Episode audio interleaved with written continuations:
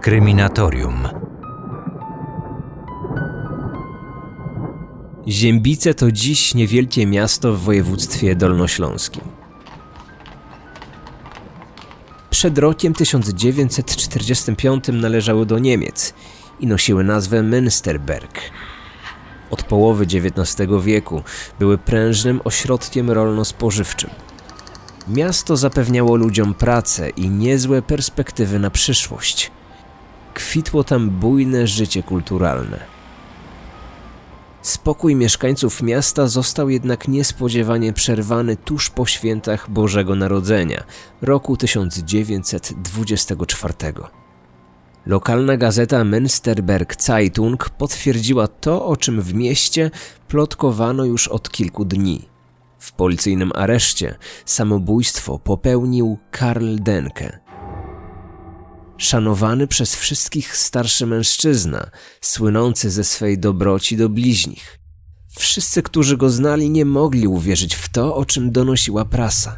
Napisano w niej, że Denke okazał się być wielokrotnym mordercą, a do tego kanibalem. Kryminatorium. Otwieramy akta tajemnic. Miasto szybko trafiło na czołówki niemieckich gazet. Niechciana sława spadła na mieszkańców jak grom z jasnego nieba. Kolejne artykuły prasowe donosiły, że Denke nie tylko jadł, ale i sprzedawał ludzkie mięso. Wieści o kanibalu przyczyniły się do bankructwa wielu lokalnych zakładów masarskich i rzeźni. Ich właściciele zostali oskarżeni przez społeczeństwo o skupowanie od Karla Denke ludzkiego mięsa i sprzedawanie go jako cielęcinę. Konsumpcja mięsa w mieście drastycznie spadła. Kłopoty finansowe słynnej fabryki konserw doprowadziły do masowych zwolnień pracowników i gospodarczego kryzysu w regionie. Na ulicach miasta zapanowała prawdziwa histeria.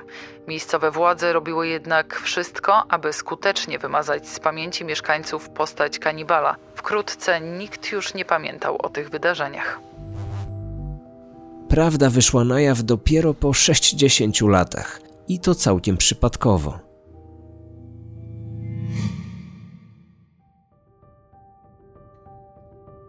W połowie lat 80. ubiegłego wieku profesor Tadeusz Dobosz, pracownik Katedry Medycyny Sądowej Uniwersytetu Medycznego we Wrocławiu, odnalazł na śmietniku blisko tysiąc przeźroczy. Tajemnicze fotografie należały przed wojną do niemieckiego Instytutu Medycyny Sądowej i stanowiły dokumentację licznych spraw kryminalnych z okolic Breslau, ówczesnego Wrocławia. W nakręconym w roku 2009 filmie dokumentalnym Miejsca Przeklęte profesor Dobosz wspominał. Były to szklane płytki o wymiarach 9 na 12 centymetrów. Wśród tych przeźroczy było kilka, które w mojej wyobraźni złożyły się wtedy w jakąś dziwną, kanibalistyczną opowieść. Na jednym był jakiś dom, na drugim przybudówka do domu, na kolejnych narzędzia, ludzkie kości, peklowane mięso. Te przeźrocza były ponumerowane i składały się na historię, że najwyraźniej kogoś zjadł, a właściwie to zjadł wielu ludzi, bo widać było, że to są szczątki wielu osób. Fotografie pochodziły z wizji lokalnej, którą przeprowadzono w domu Karla Denke tuż po jego śmierci. I to w zasadzie wszystko, co można było wtedy powiedzieć o kanibalu. Nawet najstarsi mieszkańcy Ziębic niewiele pamiętali lub pamiętać nie chcieli.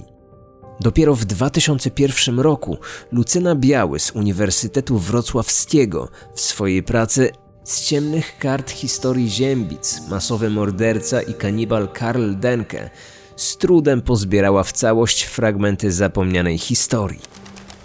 Opierając się na przedwojennych artykułach prasowych, opisała życie i zbrodnie potwora z Ziębic. Być może nigdy nie poznalibyśmy tej historii, gdyby nie szczera nienawiść, jaką Karl Denke żywił do swojego brata – oraz poczucie humoru pewnego włóczęgi, który o mało nie skończył jako kolejny słoik peklowanej cielęciny.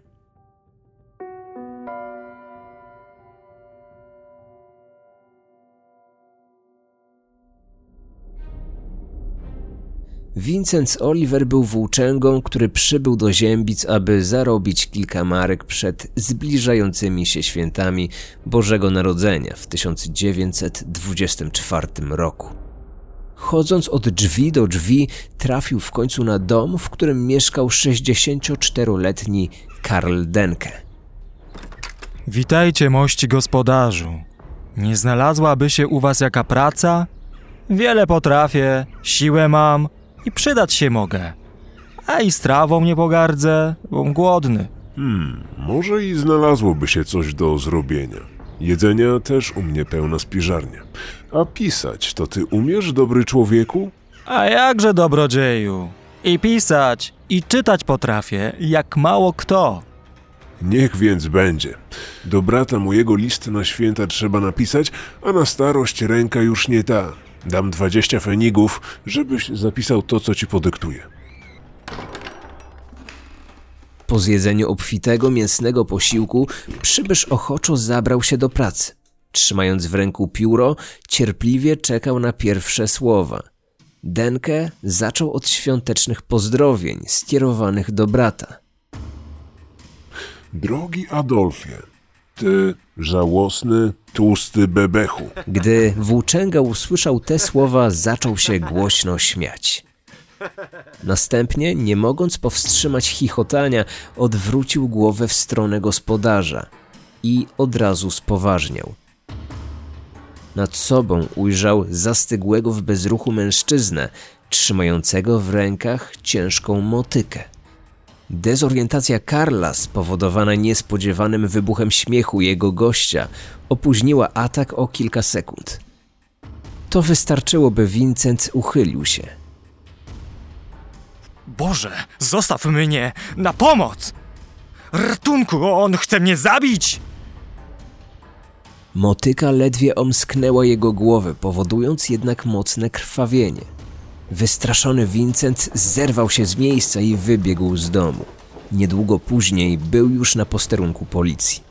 Komisarz policji sceptycznie odniósł się do zanotowanej przez siebie skargi. Nie pierwszy raz jakiś biedak próbował oskarżyć szanowanego obywatela w tym mieście. Mówisz, że pan Denke próbował cię zamordować? Tak właśnie było. Przecież widzi pan komisarz, że cały jestem zakrwawiony. Sam to sobie zrobiłem? Karl Denke i morderstwo. Hmm, no, doprawdy muszę przyznać, że dawno już nie słyszałem nic śmieszniejszego. Śmieszne czy nie, aby napisać raport ze zgłoszenia sprawy trzeba było wyjaśnić. Wezwany na posterunek Denke oświadczył, że uderzył włóczęgę w głowę, gdyż ten próbował go okraść. Tymczasem badanie lekarskie wykazało, że rana głowy jest znacznie poważniejsza niż pierwotnie sądzono i mogła potwierdzać wersję ofiary. Komisarz postanowił zatrzymać Karla w areszcie do czasu ostatecznego wyjaśnienia sprawy. Kilka godzin później Denke został znaleziony martwy w swojej celi. Powiesił się na pętli, którą zrobił z własnej apaszki.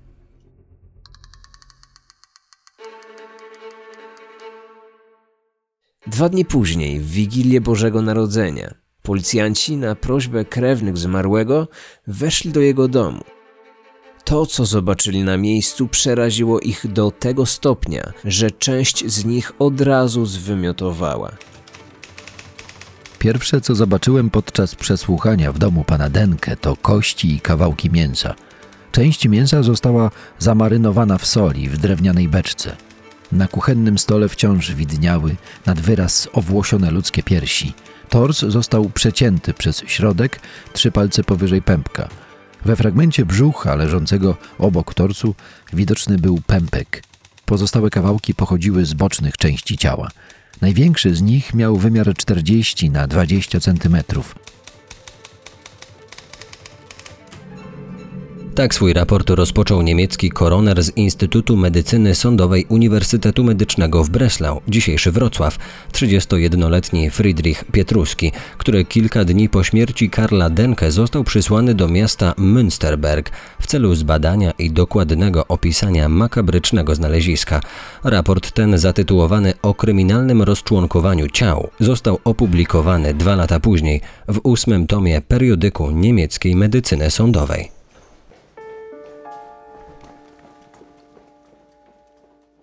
Zawarty w tym dziele 24-stronnicowy rozdział uważa się dziś za jedyny znany potwierdzony dokument opisujący zbrodnię Karla Denke.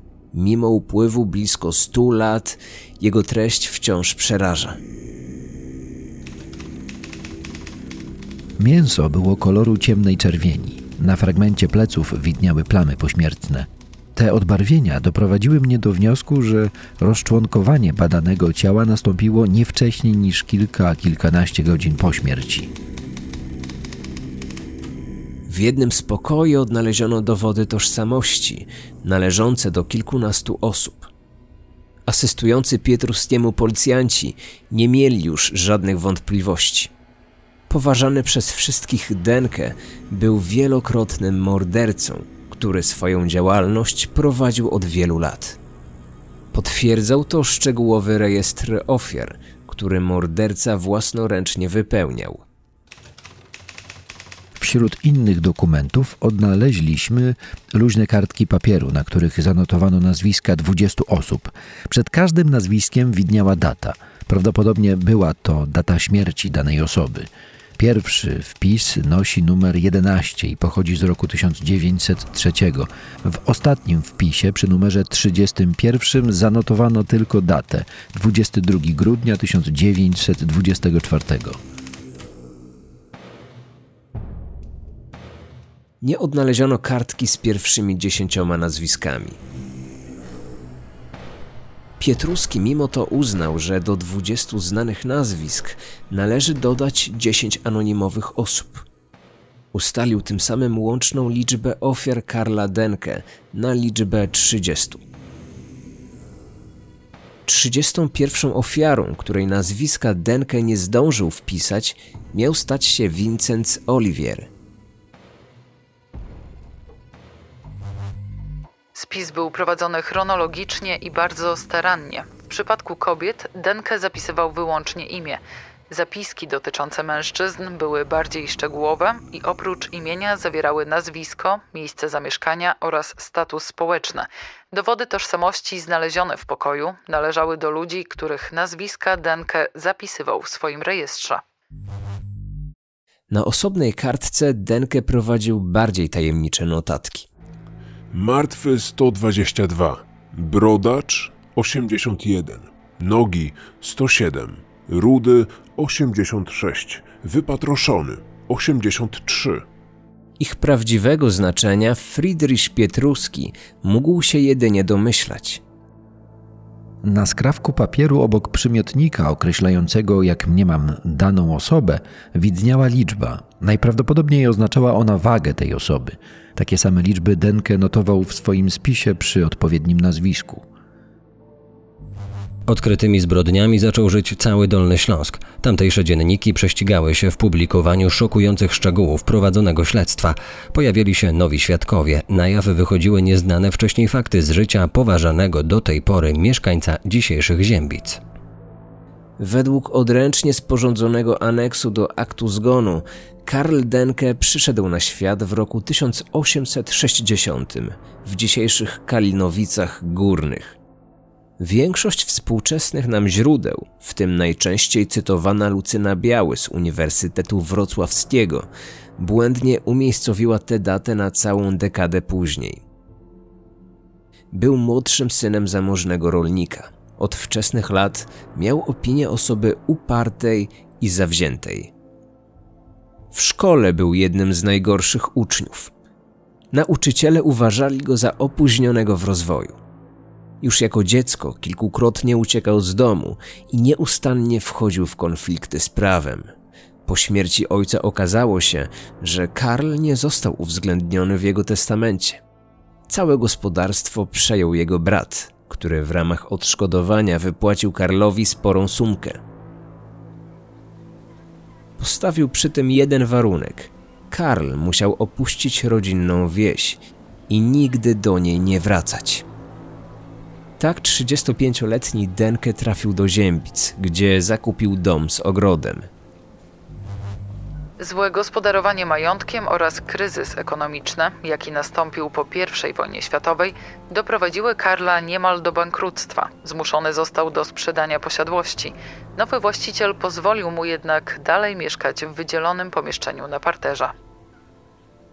Wśród lokalnej społeczności mężczyzna szybko dorobił się opinii człowieka spokojnego, zrównoważonego i wrażliwego na ludzką krzywdę. Nie palił tytoniu, nie pił też alkoholu. Uważano go za osobę niezwykle pobożną. Jako członek gminy ewangelickiej przez wiele lat nosił krzyż w trakcie pogrzebów. Podczas niedzielnych mszy grał na organach. Słynął również z udzielania wszelkiego wsparcia osobom biednym i bezdomnym. Części z nich pozwalał nawet u siebie nocować. Z tego powodu często nazywany był przez swoich sąsiadów ojczulkiem Denke. Finansowo zaczęło mu się powodzić całkiem nieźle. Nieposzlakowana opinia pozwoliła mu uzyskać pozwolenie władz na handel obwoźny. Sprzedawał hodowane przez siebie warzywa i owoce, przez co dorobił się nawet przy domku rabarbarowego króla. Handlował także sznurowadłami, skórzanymi pasami i szelkami do spodni. Czasami można było u niego kupić po okazyjnej cenie peklowane mięso. Dopiero po jego śmierci na jaw wyszła prawda o tym, skąd pochodziły sprzedawane przez niego dobra. Trzy pary szelek znalezionych w domu Karla Denke zrobione zostały z ludzkiej skóry. Miały długość 70 cm. Skóra użyta do ich zrobienia nie była garbowana, ale jedynie pozbawiona tkanki podskórnej i wysuszona. Oprócz szelek, Denke wyrabiał z ludzkiej skóry także rzemienie, które farbował pastą do butów. Posiadał również sznurowadła w kilku kolorach zrobione z ludzkich włosów. Nikt w mieście nie zdawał sobie sprawy, że za maską pobożnego i dobrotliwego starszego pana kryje się prawdziwa bestia w ludzkiej skórze. Swój morderczy proceder Denke rozpoczął na pewno przed rokiem 1903. Według znalezionego spisu, jego pierwszą znaną ofiarą było 16-letnia bezdomna prostytutka Ida Launer, która zaczepiła Karla na dworcu kolejowym. Panie łaskawco, z oczu pańskich życzliwość przemawia. Nie poratowałby pan biednej kobiety, jaką jałmużną? Dzień dobry, panienko. Wygląda mi panienka na głodną i zmarzniętą. U mnie spiżarnia zawsze pełna, a i nocleg na pewno się znajdzie. A może zabawić się z niewiastą byłby pan rad? Hmm? Niewiele wezmę, a dużo dać mogę. A gdzież mi się tak godzi nie po Bożemu zabawiać, panienko? Ja człowiek dobrego serca i charakteru. Za darmo pomogę. W zamian nic brać zamiaru nie mam. Denke pomógł jak umiał najlepiej. Jednakże nie tak zupełnie za darmo. Za jedzenie i nocleg kobieta zapłaciła własnym życiem. Była jedną z czterech kobiet, które stały się ofiarą dobrotliwego ojczulka, ofiarą zdecydowanie najmłodszą. Warto też dodać, że w roku 1911 za morderstwo 25-letniej Emmy Zadler na 15 lat więzienia w twierdzy Kłodzko skazany został Edward Trautmann, rzeźnik pracujący w fabryce konserw w Münsterberg. Po 11 latach opuścił więzienie za dobre sprawowanie, jednak dopiero po odnalezieniu zapisków Karla okazało się, że prawdziwym mordercą kobiety był Denka. Szczególnie ciekawa jest próba odpowiedzi na pytanie o wiek ofiar Karla Denke. Na jego liście nie ma ludzi młodych. Badane przeze mnie kości należały do osób starszych, głównie powyżej lat 50. Analiza licznych zębów wykazała, że przynajmniej 4 piąte ofiar było seniorami. Trzeba jednak zaznaczyć, że na pewno jedna osoba nie miała więcej niż lat 16. A kolekcja odkrytych zębów ofiar była naprawdę okazała. Łącznie Pietruski naliczył ich 352. Znaleziono je w mieszku na pieniądze, trzech papierowych torebkach oraz dwóch blaszanych pojemnikach z napisem pieprz i sól. Zęby trzonowe były oddzielone od siekaczy i posegregowane ze względu na swoją wielkość. Zdecydowana ich większość była bardzo dobrze zachowana. Pietruski zlecił ich dokładną analizę swojemu asystentowi. Wynik tego badania odnotował w swojej pracy. Wyrywania znalezionych przez nas zębów dokonywano na sposoby przeróżne. Wydawać się może, że niektóre z nich usunięto niezwykle łatwo ze względu na starczą chorobę dziąseł.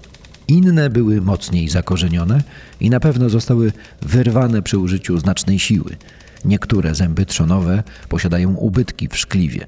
Ubytków tych ofiara nie mogła nabyć w czasie, gdy żyła. Widać na nich ślady zaciskania narzędzia o ostrych krawędziach. Wygląd części korzeni zębów zdaje się udowadniać teorię, że szczęka nieboszczyka została wcześniej ugotowana. Niewielka ilość zębów była pęknięta. Do uszkodzeń tych doszło prawdopodobnie podczas ich wyrywania.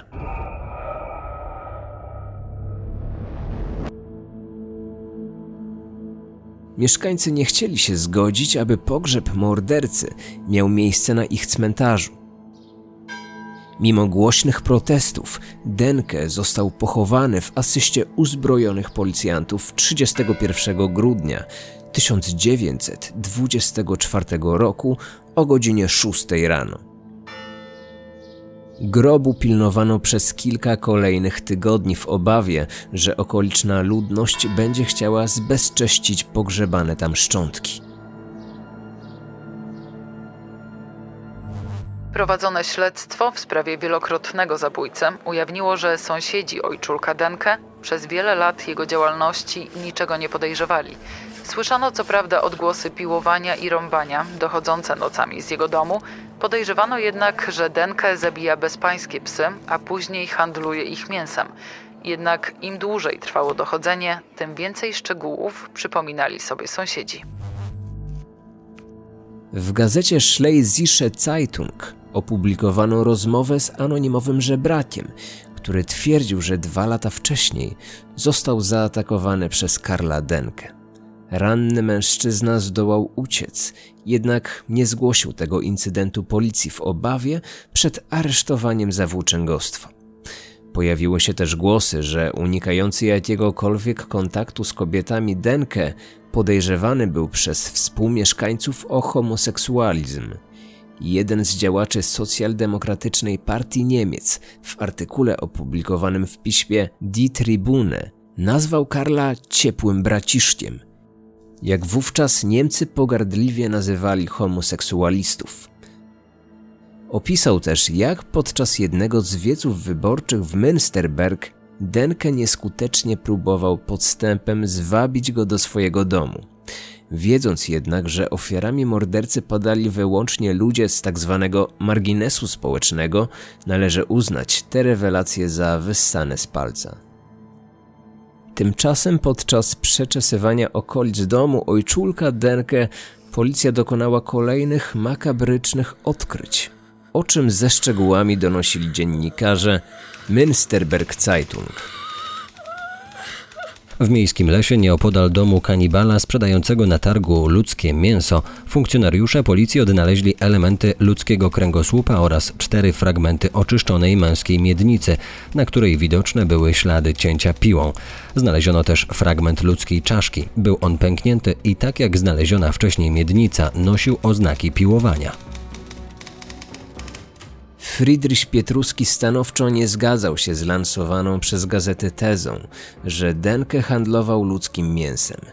Nie był też do końca przekonany, czy morderca rzeczywiście był kanibalem. Chciałbym tutaj zdecydowanie zaznaczyć, że nie istnieją żadne racjonalne dowody potwierdzające, że Denke kiedykolwiek sprzedawał mięso pozyskane ze swoich ofiar. Z braku owych dowodów stwierdzić można, że takowych czynów nie dokonał. Czy był przy tym kanibalem, jak piszą o nim gazety? Jako, że jeden ze słoików w jego domu wypełniony był jedynie do połowy, uznać można, że Denke zjadł brakującą porcję tuż przed jego zatrzymaniem. Tym samym za prawdopodobne wziąć można, że jego goście mięsem ludzkim byli częstowani. Jednak mogą to być wyłącznie moje domysły, a nie rzeczy pewne i udowodnione. Panika, która wybuchła w mieście po ujawnieniu licznych zbrodni, mocno odbiła się na sytuacji ekonomicznej całej branży spożywczej. Plotki o handlu ludzkim mięsem stały się głównym tematem rozmów wśród mieszkańców. Najbardziej odczuła to rodzina Zajdlów, właściciel jednej z największych w Niemczech fabryki konserw. Zajdlowie zostali nawet oskarżeni przez społeczeństwo o skupowanie podejrzanego mięsa od Karla Denke. Ich dochody drastycznie spadły, doprowadzając rodzinną firmę do poważnych kłopotów finansowych. Nic więc dziwnego, że władze miejskie robiły wszystko, aby o Karlu Denke szybko zapomniano. Z nieoczekiwaną pomocą miejskim włodarzom przyszli inni seryjni mordercy, którzy przez niektórych historyków zaliczani są do grona trójki największych masowych zabójców w Niemczech ery Republiki Weimarskiej – Fritz Hermann, zwany rzeźnikiem z Hanoweru, mięso swoich ofiar sprzedawał na targowiskach. Jego proces zakończył się trzy dni przed ujawnieniem zbrodni Karla Denke. Egzekucja Hermana odbyła się wiosną 1925 roku. Kilka miesięcy później ścięty został Fritz Angerstein, skazany na śmierć za zabójstwo ośmiu osób. Lokalne dzienniki szeroko rozpisywały się o ich wyczynach i coraz mniej miejsca poświęcały sprawie swojego lokalnego kanibala. Artykuły o Denke stawały się coraz bardziej wstrzemięźliwe, aż w końcu zupełnie zniknęły. Gdy pięć lat później policja aresztowała Petera Kyrtena, czyli legendarnego wampira z Düsseldorfu, o ojczulku Denke nikt już głośno nie mówił. Dziennikarze nie mogli, a mieszkańcy nie chcieli. Tutaj muszę przypomnieć, że sprawa wampira z Düsseldorfu również jest na kryminatorium. Materiał ten plasuje się w ścisłej czołówce najchętniej słuchanych odcinków. Znajdziecie go w swoich aplikacjach pod numerem 70. Koniec II wojny światowej przyniósł wielkie zmiany w mieście Münsterberg, które zmieniło nazwę na Ziębice. Niemieccy mieszkańcy zostali wypędzeni, zabierając ze sobą pamięć o Karlu Denke. Ich miejsce zajęli Polacy, którzy krwawej historii tego miasta nie znali. Może czasami słyszeli jakieś plotki o dawnym mordercy kanibalu i jego słoikach speklowanym ludzkim mięsem. Nikt jednak nie był w stanie określić, co było prawdą w tej historii, a co tylko ludzkim wymysłem. Mój dziadek zdał jednego szkopa, który mu opowiadał o starym gospodarzu, co to ludzi do chałupy zwabiał i siekierą mordował, a mięso ich potem na targu sprzedawać miał, że niby cielęcina. E, daj spokój. Ludzie czasem różne głupoty gadają. Babka moja słyszała niby, że ten staruch to mięso z ludzi jadł, a nie sprzedawał. Kłóciła się potem przez płot z sąsiadem, bo on twierdził, że to nie z ludzi, ino z psów i kotów szwab kiełbasy robił, gdy wojna przyszła. No też mi się coś wydaje, że to bajki jakieś. Nawet powiedziałem dziadkowi, że komu jak komu, ale Niemcowi wierzyć to ani mądre, ani potrzebne. Nikt nie brał tych opowieści zbyt poważnie. Ludzie mieli swoje własne, o wiele poważniejsze problemy. Przecież koniec wojny nie oznaczał dla nich końca kłopotów. Dom przy ulicy Stawowej 13, w którym Karl Denke mordował swoje ofiary, a ich mięso peklował, stoi do dzisiaj. Przez kilka dziesięcioleci pozostawał pusty i popadał w ruinę. Podobno jeszcze długo po wojnie w pobliżu domu wykopywano z ziemi fragmenty ludzkich kości. Dopiero na początku lat 70. ubiegłego wieku znalazła się rodzina chętna, by w opuszczonym domu zamieszkać. Nowi lokatorzy prawdę o tym miejscu poznali jednak znacznie później. Przypadkowe odkrycie przedwojennych przeźroczy na uniwersyteckim śmietniku przywróciło pamięć o Karlu Denke i sprawiło, że przestał być on postrzegany wyłącznie jako miejska legenda. Natomiast praca doktora Lucyny Biały skutecznie spolaryzowała postać zapomnianego mordercy.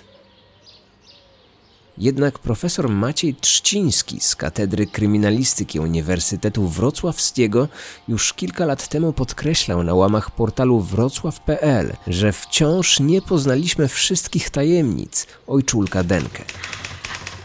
Na terenie domu nigdy nie prowadzono badań archeologicznych, nie przeszukano ziemi ani sąsiadującego z posesją stawu, a tam prawdopodobnie ukrywał swoje ofiary, a raczej to, co z nich zostało. Zdobycze techniki pozwoliłyby nam odnaleźć ich szczątki, zbadać DNA i być może dowiedzielibyśmy się, kim byli. Na razie jednak rodzina, do której należy dom, gdzie mieszkał Karl Denke, nie chce się zgodzić na badania. Szkoda, bo to niedopowiedziana historia. Nie wiemy do końca jak i dlaczego Denke zabijał. Nie wiadomo też, gdzie ukrył swoje pozostałe ofiary i ile ich w rzeczywistości było. Tych odpowiedzi nie znajdziemy w archiwach. One są tam, na miejscu, gdzie Denke zabijał. To wszystko jeszcze czeka na odkrycie. Do naszych czasów zachowała się tylko jedna fotografia przedstawiająca Karla Denkę. Została zrobiona tuż po jego śmierci i przedstawiała starszego, brodatego mężczyznę leżącego w prowizorycznej drewnianej trumnie. I choć jego wizerunek jest dziś dobrze znany, wciąż wielu autorów błędnie ilustruje swoje artykuły o Karlu Denke fotografią innego mordercy, Fritza Harmana, czyli rzeźnika z Hanoweru.